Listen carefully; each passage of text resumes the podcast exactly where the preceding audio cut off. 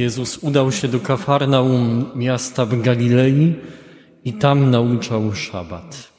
Zdumiewali się Jego nauką, gdyż słowo Jego było pełne mocy.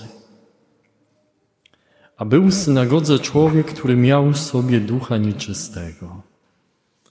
Zaczął on krzyczeć w niebogłosy, och, czego chcesz od nas, Jezusie, Nazarejczyku, przyszedłeś nas zgubić?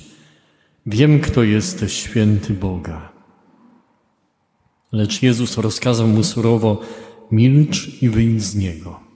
Wtedy zły duch rzucił go na środek i wyszedł z niego, nie wyrządzając mu żadnej szkody.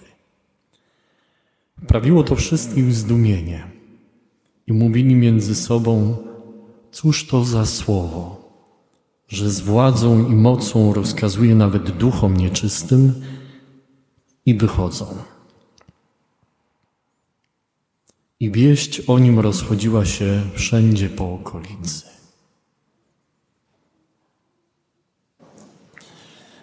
Słowo ma wielką moc i niezależnie od tego, czy jest ludzkie, czy jest Boże.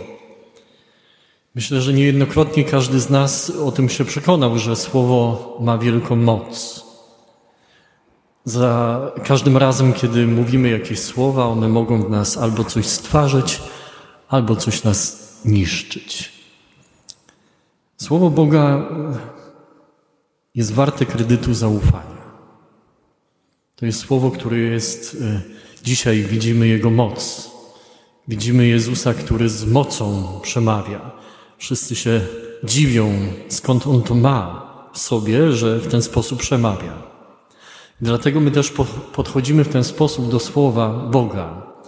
Ale zobaczcie, że nawet jeżeli bierzemy Ewangeliarz i wprowadzamy ten Ewangeliarz, który może jest czasami przestrojony, w sensie, że albo złotem, albo srebrem, albo czymś innym bardziej skromnym, y, to nawet jeżeli wnosimy Ewangeliarz przez środek Kościoła i wszyscy nagle wstają, żeby oddać cześć, i nawet kiedy przychodzimy do ołtarza i ksiądz po przeczytanej Ewangelii całuje słowa, to my nie jesteśmy religią księgi. Religią księgi jest judaizm, jest islam. My, chociaż oddajemy cześć księdze Słowa Bożego, nie jesteśmy religią księgi. My jesteśmy religią Słowa, które stało się ciałem, Słowa wcielonego że wiemy dobrze, że chociaż mamy spisane słowo i tu jest litera, która jest bardzo ważna, to za tą literą kryje się osoba. My wierzymy w osobę, która się kryje za tą literą, a nie w księgę, która jest tutaj czy gdzie indziej. To jest bardzo ważne rozróżnienie. Zobaczcie, że nawet na samym początku, co często nam się jakoś zarzuca, Pismo Święte wcale nie było spisane. Słowo było wpisane w głowę czy w historię człowieka. Że kiedy mamy, chociażby czytamy na samym początku Adwentu albo pod koniec, cały rodowód Jezusa, od samego początku przez króla Dawida do Jezusa Chrystusa, to Bóg wpisywał swoje słowo w historię konkretnych tych ludzi. Abraham nie miał spisanego słowa. Ta księga nie spadła z nieba, nie znaleziono ją w krzakach. Objawienie nie polega na tym, że Pismo Święte nagle dostaliśmy z góry jako słowo spisane. Ono najpierw było wpisane w historię człowieka i ludzie, patrząc na historię konkretnych ludzi, swoich przodków, Boga Abrahama, Izaaka, Jakuba, Patrząc na ich historię, mogli powiedzieć: Aha, tutaj objawia się Bóg. Dlatego zobaczcie, że my e, robimy chociażby Wielką Sobotę. Kiedy świętujemy Wielką Sobotę, jest czytane tak dużo czytań. Od Księgi Rodzaju, przez proroków do, e, do momentu zmartwychwstania. Odwzorowujemy dokładnie to, co się działo w każdej rodzinie żydowskiej, kiedy w trakcie Paschy przychodził najmłodszy z rodziny i pytał się najstarszego, czym się różni ta noc od innych. I wtedy najstarszy zaczął opowiadać całą historię wyzwolenia Izraela. Ale ta historia objawienia się Boga była wpisana w historię ludzką, wpisana w historię e, tych wszystkich ludzi, którzy byli przed. Dlatego, kiedy patrzymy na Pismo Święte, my bardziej nie widzimy coś, chociaż widzimy coś, tylko za tym się kryje ktoś. I o tym dzisiaj chcemy Wam opowiedzieć. Choć myślę, że y, już w judaizmie jest taka intuicja w tradycji judaistycznej, kiedy Żydzi czczą cadyków. Jest nawet kilka takich grobów w Polsce, e, e, gdzie całe pielgrzymki przyjeżdżają z Izraela do grobu cadyka. Kto to był cadyk? Cadyk to był mędrzec. Co znaczy mędrzec? Byli uczeni w piśmie i faryzeusze, uczeni w piśmie, którzy znali księgi, faryzeusze, którzy znali prawo, a cadyk to jest mędrzec, czyli ten, który zna zamysł Boga, który stoi za tym słowem i za tym prawem. Czyli, że jest ten, który szuka Boga żywego. To, co Jezus też w jednym miejscu mówi, Bóg nie jest Bogiem umarłych, lecz żywych. Wszyscy bowiem dla Niego żyją. Dlaczego? Bo On jest żyjący. Że to jest spotkanie żyjących, Boga żyjącego i człowieka żyjącego. To jest spotkanie osób, a nie spotkanie człowieka ze słowem czy człowieka y, z prawem. To bardzo prosto można zobaczyć, jak przychodzą mędrcy, szukając y, nowonarodzonego króla żydowskiego. I to są poganie. I oni przychodzą do Jerozolimy, do Heroda i mówią, gdzie jest nowonarodzony król żydowski. Uczeni w piśmie natychmiast odpowiadają, w Betlejem Judzkim, bo tak jest napisane u proroka. Jaka jest różnica między uczonym w piśmie a faryze faryzeuszem a mędrcem? Że uczeni w piśmie i faryzeusze nie idą do Betlejem, żeby oddać pokłon temu, który się narodził. Oni wiedzą, ale na wiedzy się kończy. Wiedzą, jak ma być, ale na tym się kończy. Nie spotykają się z osobą, nie wiedzą, co z tym zrobić. Ci mędrcy, którzy przychodzą, oni po to potrzebują wiedzy, żeby potem dobrze postępować. Dlatego to, co jest napisane w Słowie Bożym, jest ważne. Ale jednocześnie jeżeli by to, co jest napisane, nie prowadziło do spotkania osób, to kończymy jakby w pół kroku. A jednocześnie to nie znaczy, że my nie potrzebujemy pisma, że nie potrzebujemy prawa czy słowa, bo one nam wyjaśnia, jak się spotkać z osobą. Więc tu jest coś, czego my potrzebujemy się nauczyć, jak to właściwie sobie radzić z tym, żeby spotkać i słowo, które jest mądrością, wiedzą, ale też osobę. Kiedyś e, miałem rekolekcję dla takich dziewcząt. E, tutaj przy czeskiej granicy, ja zapomniałem nazwę tej miejscowości. Branice, o. I w Branicach właśnie siostry mnie zaprosiły na takie rekolekcje dla dziewcząt. I siostra mówi, żebyś im tak powiedział coś o Biblii, o Słowie Bożym. Nie pamiętam, tak przyjeżdżam, a to takie dziewczyny były, nastolatki, takie raczej różowe, prawda? I tak myślę, czy one coś z tej Biblii pojmą, prawda? No co ja im tu wykład będę robił? I taki trochę y, y, zestresowany troszkę, taki pogubiony w tym. Mówię, Panie Jezu, ratuj mnie. I wpadłem wtedy na taki pomysł. Mówię, dziewczyny, tak jak ojciec Mateusz powiedział, to, macie Biblię? Ma, miały Biblię. To nie jest coś, tylko ktoś. I umówmy się, że cały dzień dzisiejszy temu będziemy poświęcać. Ja nie będę Was niczego uczył szczególnie, ale to jest ktoś od rana, jak małe dzieciątko, ta Wasza Biblia, i Wy cały dzień tak żyjcie, postępujcie, jakby to było Wasze dzieciątko. To znaczy, no nie wiem, jak macie wyznaczony dyżur do zmywania w kuchni, to nie tak, że położycie na parapecie i sobie nie leżało. Nie musicie kogoś poprosić, żeby się tym zajął. Nie wiem, jak chcecie, nie wiem, pójść na małą drzemkę po obiedzie, to nie tak, że sobie położycie, jakby, że to, no chyba, że uśpicie najpierw, mówię to, dzieciątko, a potem wy pójdziecie spać. Znaczy, że, że musicie się nauczyć tego, że to jest ktoś żyjący. I teraz, czego potrzebuje? I na początku, no, a pod wieczór już poczuły ciężar rzeczy. Tak patrzę po oczach mam, to trochę wiedzą, jak to mogło wyglądać, jak one sobie radziły lub nie radziły.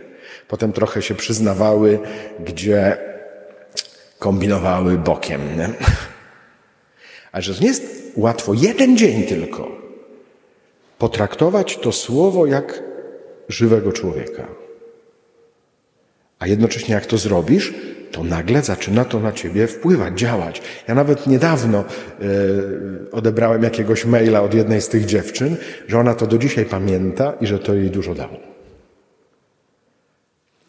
Nie wiem, jak jeszcze można y, zrobić czy postępować w ten sposób, żeby zobaczyć, że to, nie, że to jest żywe, że to jest żywe słowo, że to nie jest właśnie jakiś przedmiot tylko, to nie jest tylko do zdobywania wiedzy, właśnie tak jak dzisiaj mamy w Ewangelii, że żeby to słowo miało moc, żebyśmy doświadczali zmiany konkretnie w naszym życiu przez działanie tego słowa, no to ono musi mnie dotknąć. Nie tylko mojej głowy, żebym miał więcej wiedzy, prawda? Tylko, że to dotyka mojego życia.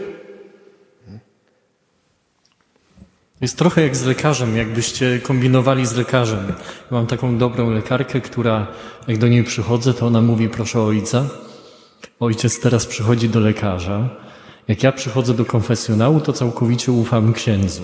A jak ksiądz przychodzi do lekarza, do gabinetu, no to musi całkiem za, zaufać mi jako lekarzowi, jako specjaliście. Wyobraźcie sobie taką sytuację, że lekarz daje wam receptę, mówi w jaki sposób postępować, a wy zaczniecie kombinować i mówić, a może ten lek nie, ten mi trochę bardziej pomoże, no tutaj trochę lekarz za bardzo przesadził, a później nam się jakoś to rozlatuje. Takich kombinatorów mamy sporo wokół siebie, y, pewnie, którzy w ten sposób postępują. I zobaczcie, że jeżeli nie ma Twojego zaufania względem Słowa Bożego, no to jak ma to zadziałać?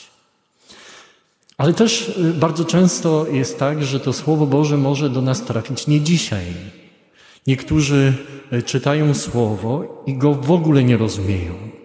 Miałem taką jedną sytuację, lubię jeździć, chociaż trochę, y, no różnie to bywa, ale mam takiego znajomego, mamy takiego znajomego księdza w województwie świętokrzyskim. To jest taki zdrowy ksiądz, który wie, że od czasu do czasu potrzebuje wyjechać na swoje wolne. Sam jest na parafii, nie ma wikarego, nie ma takiego komfortu, więc zaprasza nas, żebyśmy go czasami zastąpili i wtedy mogę być przez tydzień na przykład proboszczem za młody.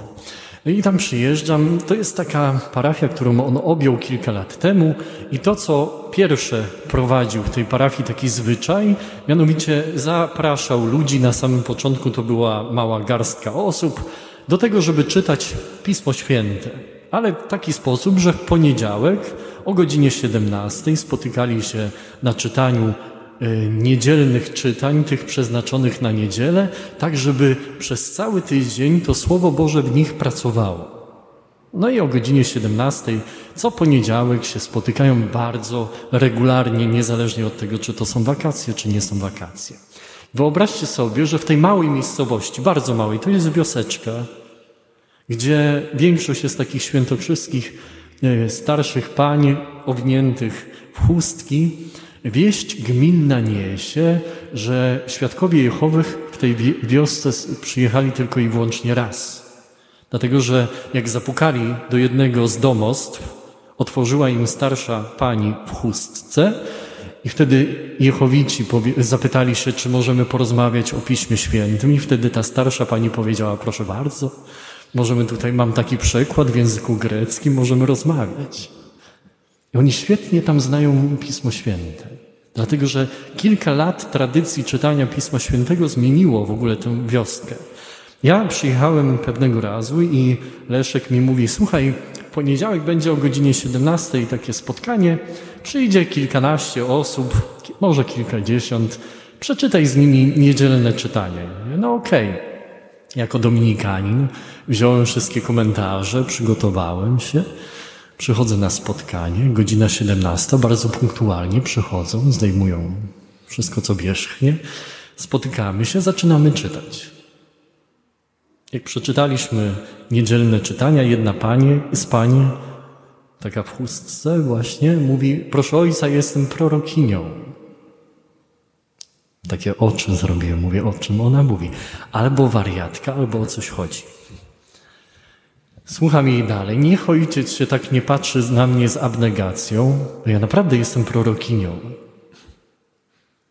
Słucham, co będzie dalej. A ona mówi, Naprawdę jestem prorokinią, bo kiedy widzę jakiegoś człowieka, który chodzi smutny, przygnębiony, to ja wiem, że muszę do niego podejść ze słowem, które go pocieszy. Ale wtedy, kiedy też widzę, że ktoś jest krzywdzony, to ja muszę stanąć w jego obronie, bo taka jest rola proroka.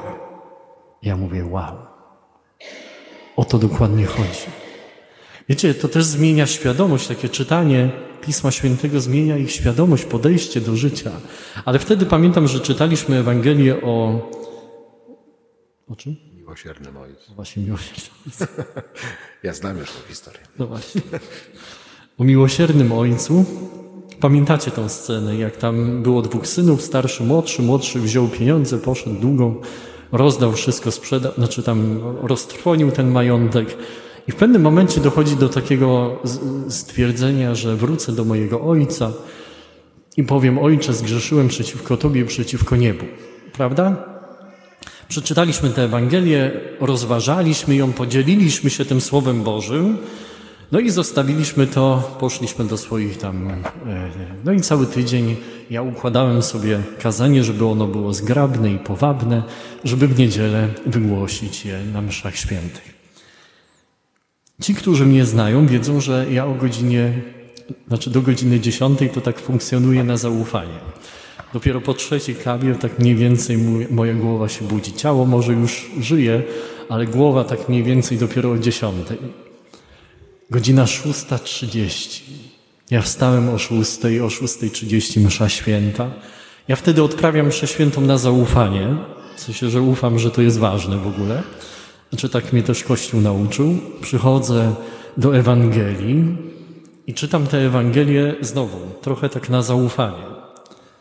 Wtedy mam odcięte emocje, nie? W sensie u mnie emocje nie działają. Godzina szósta, czterdzieści mniej więcej zaczynam czytać Ewangelię. Dochodzę do tego zdania, że ten młody się zareflektował i mówi: Pójdę i wrócę do mojego ojca i powiem mu: Ojcze, nie jestem w stanie nazywać się Twoim i nie mogę tego wypowiedzieć.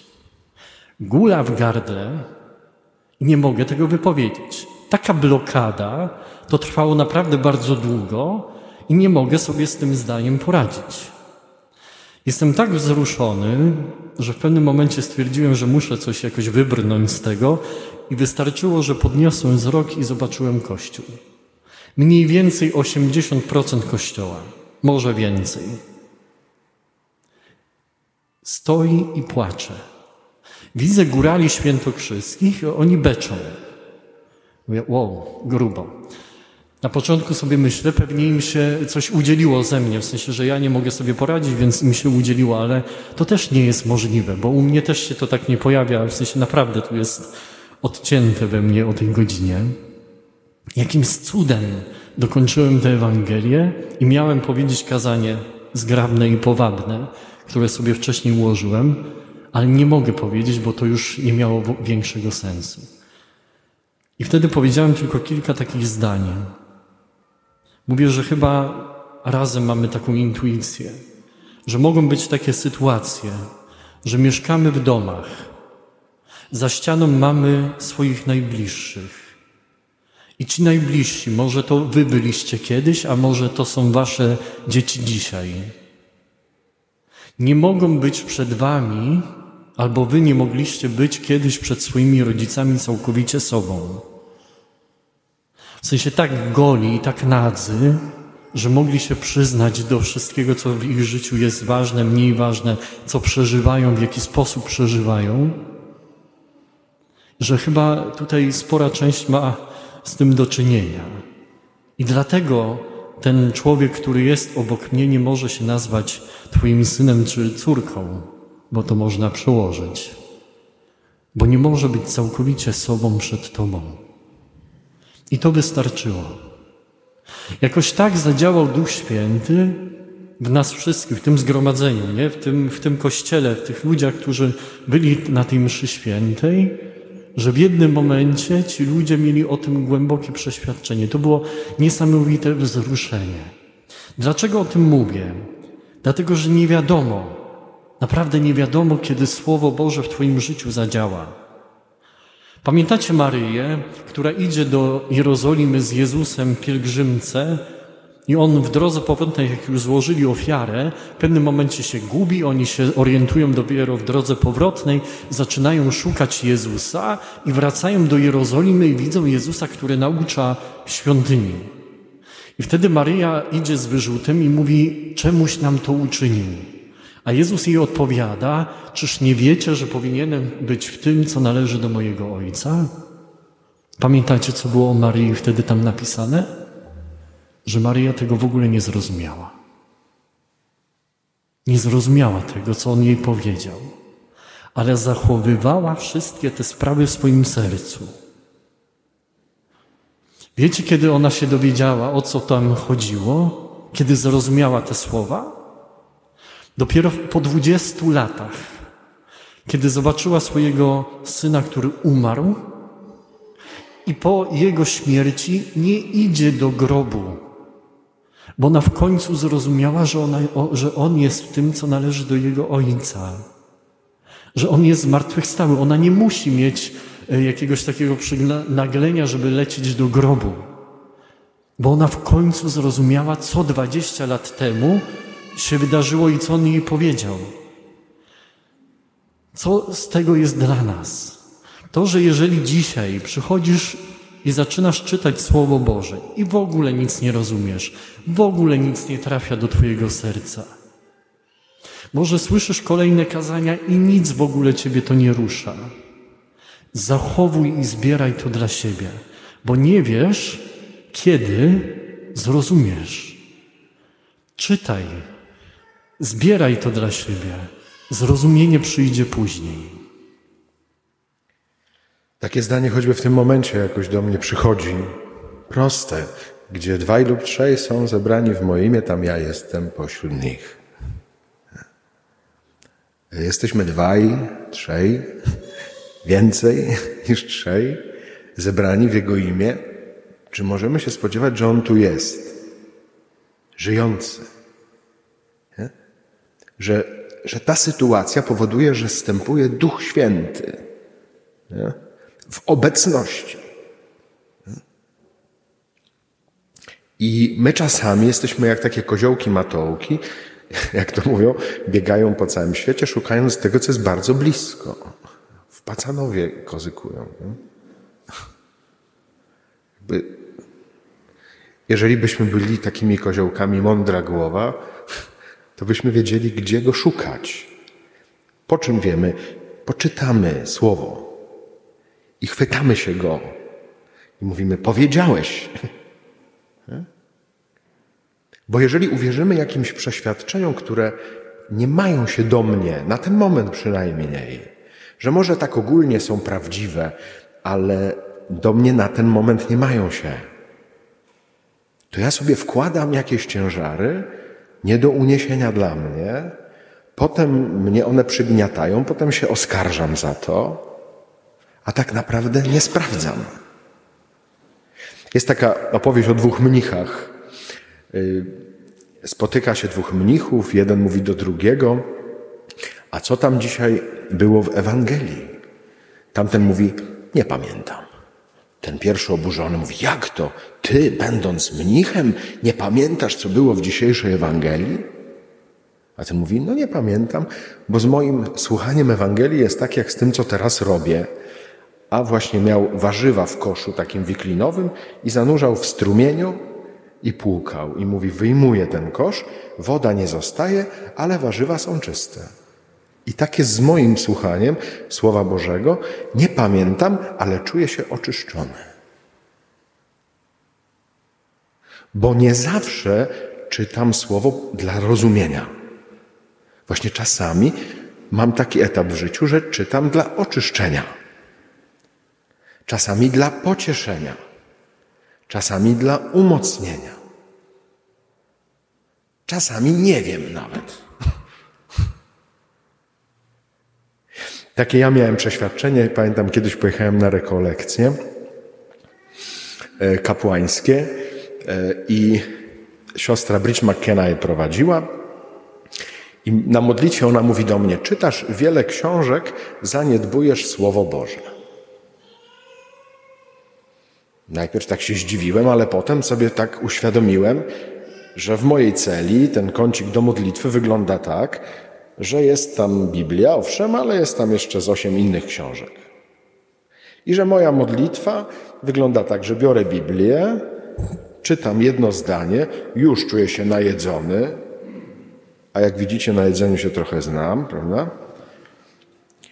No to już zostawiam Biblię, no już sięgam są pobożne książki, jest Benedykt XVI, jest Katarzyna ze Sieny i tak dalej, i tak dalej. Cała taka paleta dobrych książek.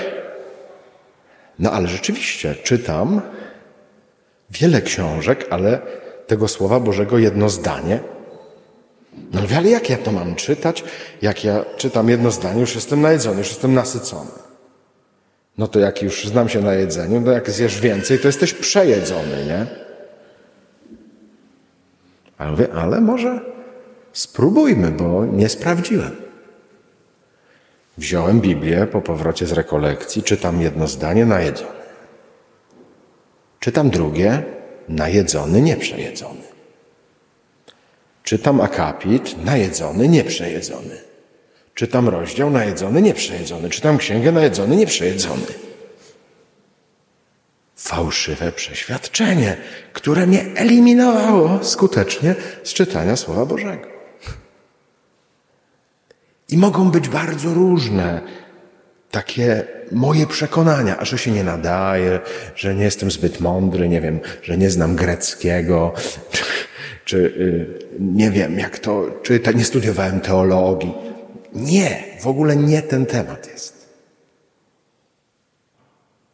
Jeżeli spotykamy się z żywą osobą i tak jak mówiłem choćby w tym przykładzie z rekolekcji z dziewczynami, to jest małe dzieciątko,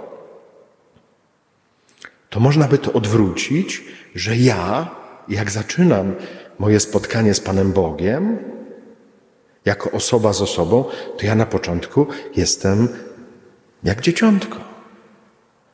Nie muszę wszystkiego wiedzieć, nie muszę wszystkiego umieć, nie muszę od razu znać się na tym wszystkim, albo że dopiero się będę nadawał na to spotkanie, jak odpowiednie szkoły skończę. Może ostatni już taki przykład i lądujemy. To było w Warszawie. Kiedyś taka pani do mnie przyszła, młoda, i mówi: A moja mama jest w szpitalu, czy ojciec mógłby pojechać do szpitala, żeby ją tam wyspowiadać. E, namaścić, dać komunię. No mówię, dobrze, możemy jechać. Pojechaliśmy, okazuje się pani Ania, taka z powstania warszawskiego, pani doktor, taka naprawdę czerwca pani, taka wiedząca, taka energiczna jeszcze e, i, i tak właśnie coś tam rozmawiamy, spowiadamy się, potem no ona mówi do mnie tak, a tutaj za drzwiami stoi mój mąż, on jest takim agnostykiem, taki wie ojciec, co tak nie wie, gdzie jest góra, gdzie jest dół. Ale czytać umie, ja go proszę, żeby on mi czytał Biblię. Nie? Po tej rozmowie ja wychodzę na korytarz, a okazuje się, że to pan profesor biologii. Czytać umie rzeczywiście. I on tak mnie spotyka i mówi: Ojcze, bardzo był taki kulturalny. E, ja nie mam łaski wiary, ale umiem czytać, to czytam tej mojej żonie Biblię. I on nie miał Biblii jako takiej, tylko miał Oremusa tak zwanego. Czyli tak na każdy dzień po kolei wszystko.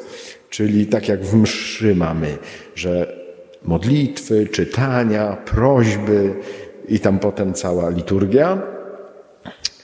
I ja jak wyszedłem, on wszedł, żeby czytać żonie. I nagle dzwoni siostra tej, która mnie przywiozła i mówi, co tam w szpitalu?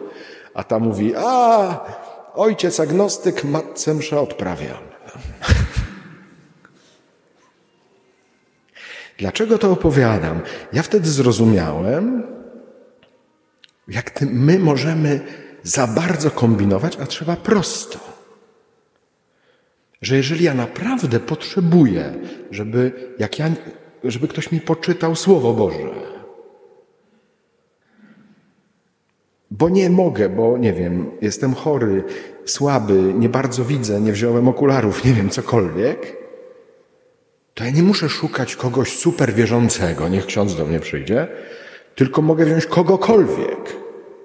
Czy to będzie sąsiadka, czy to będzie wnuk, czy to ktokolwiek, poczytaj mi słowo. Bo ja chcę się spotkać z osobą przez to słowo. Ja wtedy nie muszę kombinować. Sam nie muszę być super wykształcony i doskonały, i ten, kto mi czyta, też nie musi być. Żebym mógł się spotkać z tym, kogo kocham, kto będzie mógł mi coś powiedzieć i dotknąć mnie tym słowem. Właśnie nie tylko tą wiedzą czy mądrością, ale właśnie, żeby dokonywało się spotkanie. Mam nadzieję, że w tej modlitwie wieczornej dzisiaj jeszcze też tego będziemy mieli szansę doświadczyć.